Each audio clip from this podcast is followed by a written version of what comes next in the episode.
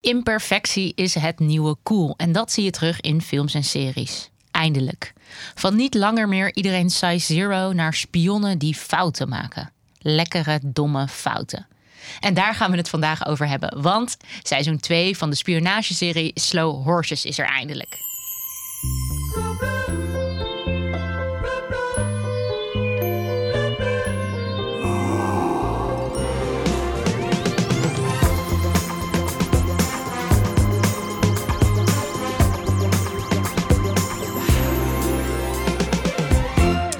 Hallo, weer een VPRO-koos met Yukiko. Hier tegenover mij zit Anke Meijer. Hi. Hi. En Atze de Vriezen. Hey. Hey, en Anke, jij hebt een zalige spionageserie meegenomen. Slow Horses, tweede seizoen. Ik zei het al in de intro, dit keer geen gladde James Bond. Nee, alles een beetje, behalve. Een beetje sillige Beetje MI5 kneuzen. Ja. agents. Vertel. Ja, het, het, is, eh, het gaat over eh Slough House, een afdeling van MI5 van de, van de Britse. eh, wat is het? eh, intelligence Service. Ik weet even niet Die- hoe noem je dat in geheime Nederlands? dienst. Geheime dienst. Geheime dienst. Dankjewel. Die bestaat echt. soms- Deze, je- deze sectie. Eh, nou, Slough House, zo heet het. Ik weet niet of Slough House echt Nee, bestaat. precies. Maar dit is dus een beetje het afvoerputje van de geheime dienst. Eh, waar de spionnen naartoe gaan die... ehm, ja, ik denk dat je niet zo snel ontslagen wordt als spion. Omdat je natuurlijk wel dingen weet. Dus ze moeten binnen de dienst Ja, ja. gehouden Als je worden. en dan- ongevaarlijke dingen mag gaan doen. Precies, dan ga je gewoon hele lullige dingen doen. Dan ga je ja, bandjes terugluisteren of zo. Zoiets saais, iets wat helemaal niet spannend is en eh, eh, van nationaal belang. Maar ja, het is een televisieserie, dus uit- uiteraard komen ze allemaal wel terecht in dat soort eh, grote, spannende zaken. Ja, en, het betekent ook niet dat als, je, als ze een fout hebben gemaakt en in dat afvoerputje beland zijn, dat ze daar echt van geleerd hebben, toch? Want het is nou niet alsof ze heel goed zijn in de spannende zaken waar ze nu dan in belanden. Nee, ze zitten er niet voor niks. Toch? Ja. Maar het is natuurlijk ook, het is, ik bedoel, het, het allerbelangrijkste is dat de, de, dit bureau gerund wordt door eh, Gary Oldman in als een fantastisch eh, personage, echt een hele vieze oude spion die. Ik wou net zeggen, die is inmiddels behoorlijk op leeftijd, toch? Ja, dat is hij ook. En hij speelt hier echt alleen nog maar ouder en, en, En viezer. En viezer. En hij heeft echt, ja. Hij ziet eruit alsof hij stinkt. En ik heb, ik heb, ze, ik heb de cast geïnterviewd voor dit, dit tweede seizoen. En toen Oh, zei, heerlijk. en toen zei Kristen Scott Thomas, hij stinkt ook. Ja. Dus Er zit op een gegeven moment ook een scène dat zijn tegenspeler ook zegt... Wist je dat, je, eh, dat er iets bestaat als een stomerij? Dan is hij oprecht verbaasd. en dan zegt ze ja, en er staat ook zoiets als je haren wassen, je tanden poetsen Ja. en zo'n heel rijtje. En dan denk je echt, oh ja, spot on. Want eigenlijk is alles aan hem een beetje crusty. ja, ja, ja, ja, hij is echt, hij heeft gratis sokken. Hij laat winden waar je bij zit. En hij eh, drinkt de hele dag door. eh Maar ga je hem haten drank. of ga je stiekem Nee, van hem houden? je houdt van hem. Ja, want hij is ook, hij is, hij is vreselijk, maar hij is ook wel echt heel grappig. Hij fakkelt iedereen af die bij hem in de buurt komt. Een van de leukste dingen uit het eerste seizoen is dat hij dan zijn team, dus dat ze iets aan het overleggen zijn en dat hij dan zegt. Jullie iets bijbrengen is alsof je Noorwegen aan een hond wil uitleggen. Zeg maar. dat, dat soort one-liners komen er de hele tijd bij hem uit. En het klinkt veel beter in, in het Engels en veel beter als Gary. Oldman het uitspreekt. Maar Ik dit, vond dat je het vrij overtuigend deed. Oké, nou, Ja. Nou, we kunnen wel even luisteren. Oh ja, ja. Toch? Want eh, het is inderdaad, n- met alle respect voor jou, Anke... het is beter als Het is hij beter als hij het uitspreekt. I, I, I don't normally do these kind of speeches, but this feels like a big moment, and if it all turns to shit, I might not see any of you again.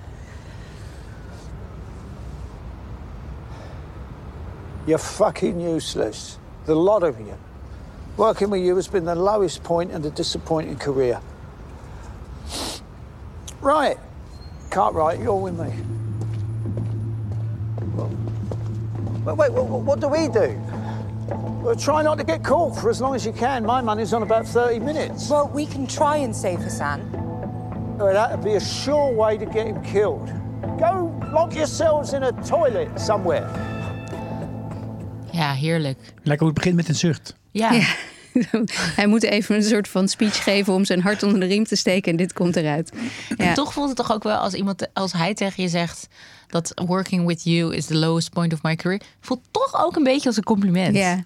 Ja, hij zegt the lowest point of my disappointing Oh career. ja, disappointing career. Ja, heel goed, goed geluisterd. ja, ja, ja, ja. Negen voor je luistertoets. hoor. Ja. Nee, maar wat het wel, wat je heel sterk het gevoel krijgt, is dat hij, weet je, hij zegt ook dingen als van het zijn dan misschien wel fucking losers, maar het zijn wel mijn losers, zeg maar. Dus dat hij houdt wel van ze en hij gaat gaandeweg ook ja, steeds meer, eh, steeds toch wel een beetje trots op ze zijn. En dat zie je dan af en toe aan zo'n klein glimlachje wat er voorbij komt. En, en, dat, dat is ook wel heel leuk. En is het nou ook echt die typische Britse zelfspot die deze serie zo lekker maakt? Ja, ik, daar had, had ik het ook wel over met ze. Want ehm, ja, waarom? Waarom wordt alles altijd maar met humor benaderd? En in dit geval ook nog eens best wel echt een beetje, beetje grove, harde humor. En toen zei die eh, eh, acteur die ehm, eh, River Cartwright speelt...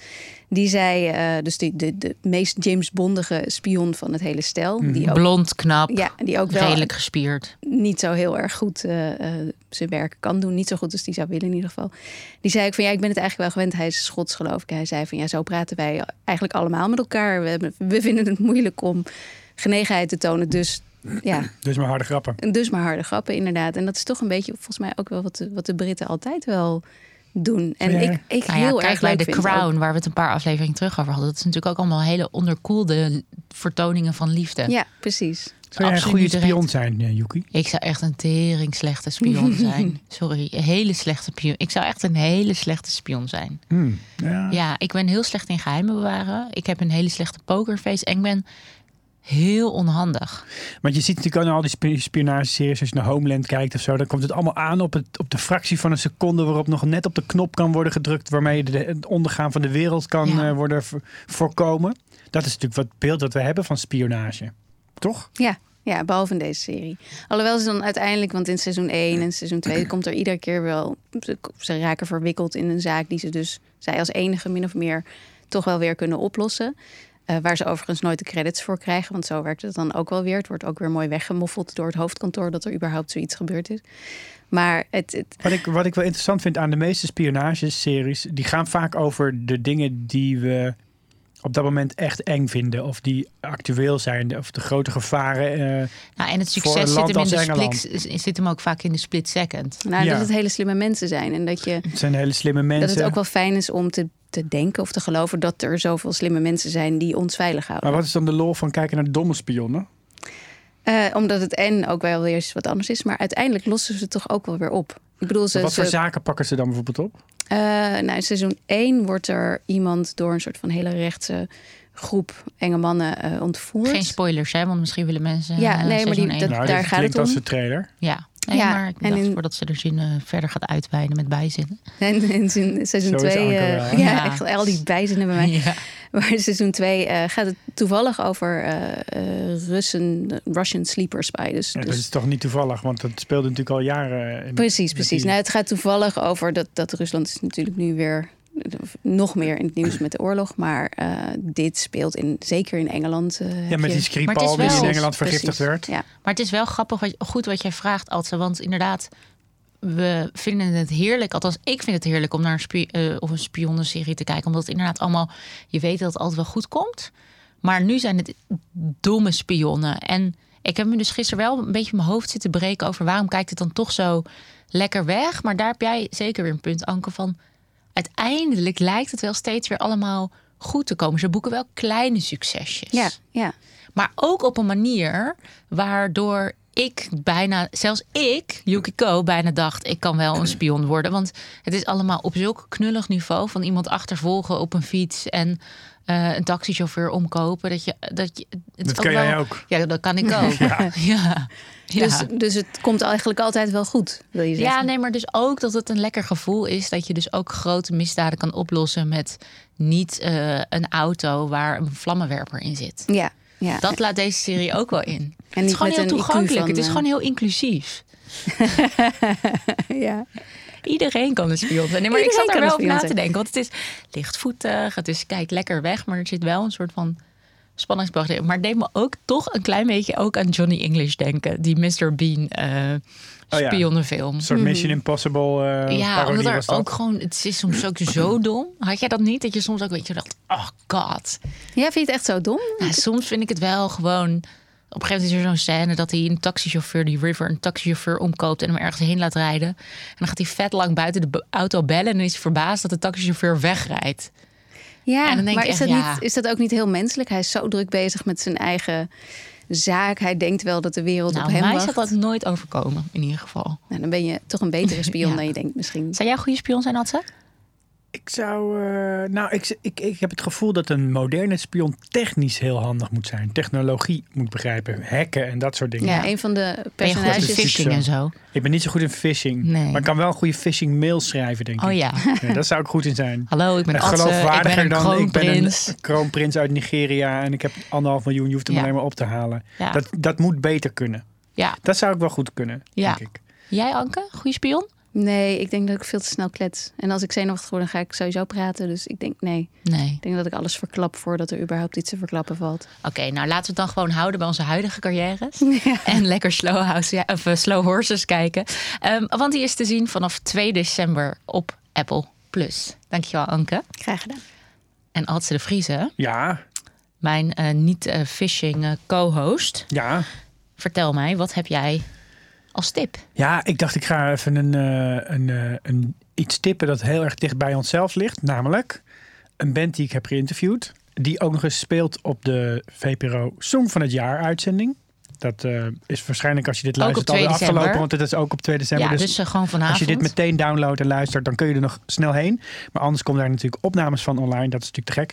De Haunted Youth uit België speelt daar. Is eh, een debuterende band die echt een van de mooiste debuten van het, van het jaar gemaakt heeft, vind ik.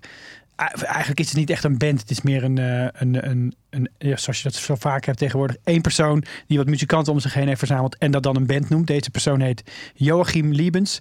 Is een ontzettend eh, interessante, fascinerende jongen die zoals de naam van zijn band al zegt, een best wel ingewikkelde jeugd heeft gehad. In een instelling heeft gezeten. eh, ja, zich niet goed kon aanpassen aan wat er van kinderen verwacht werd. Ook wel een beetje af en toe kinderen sloeg.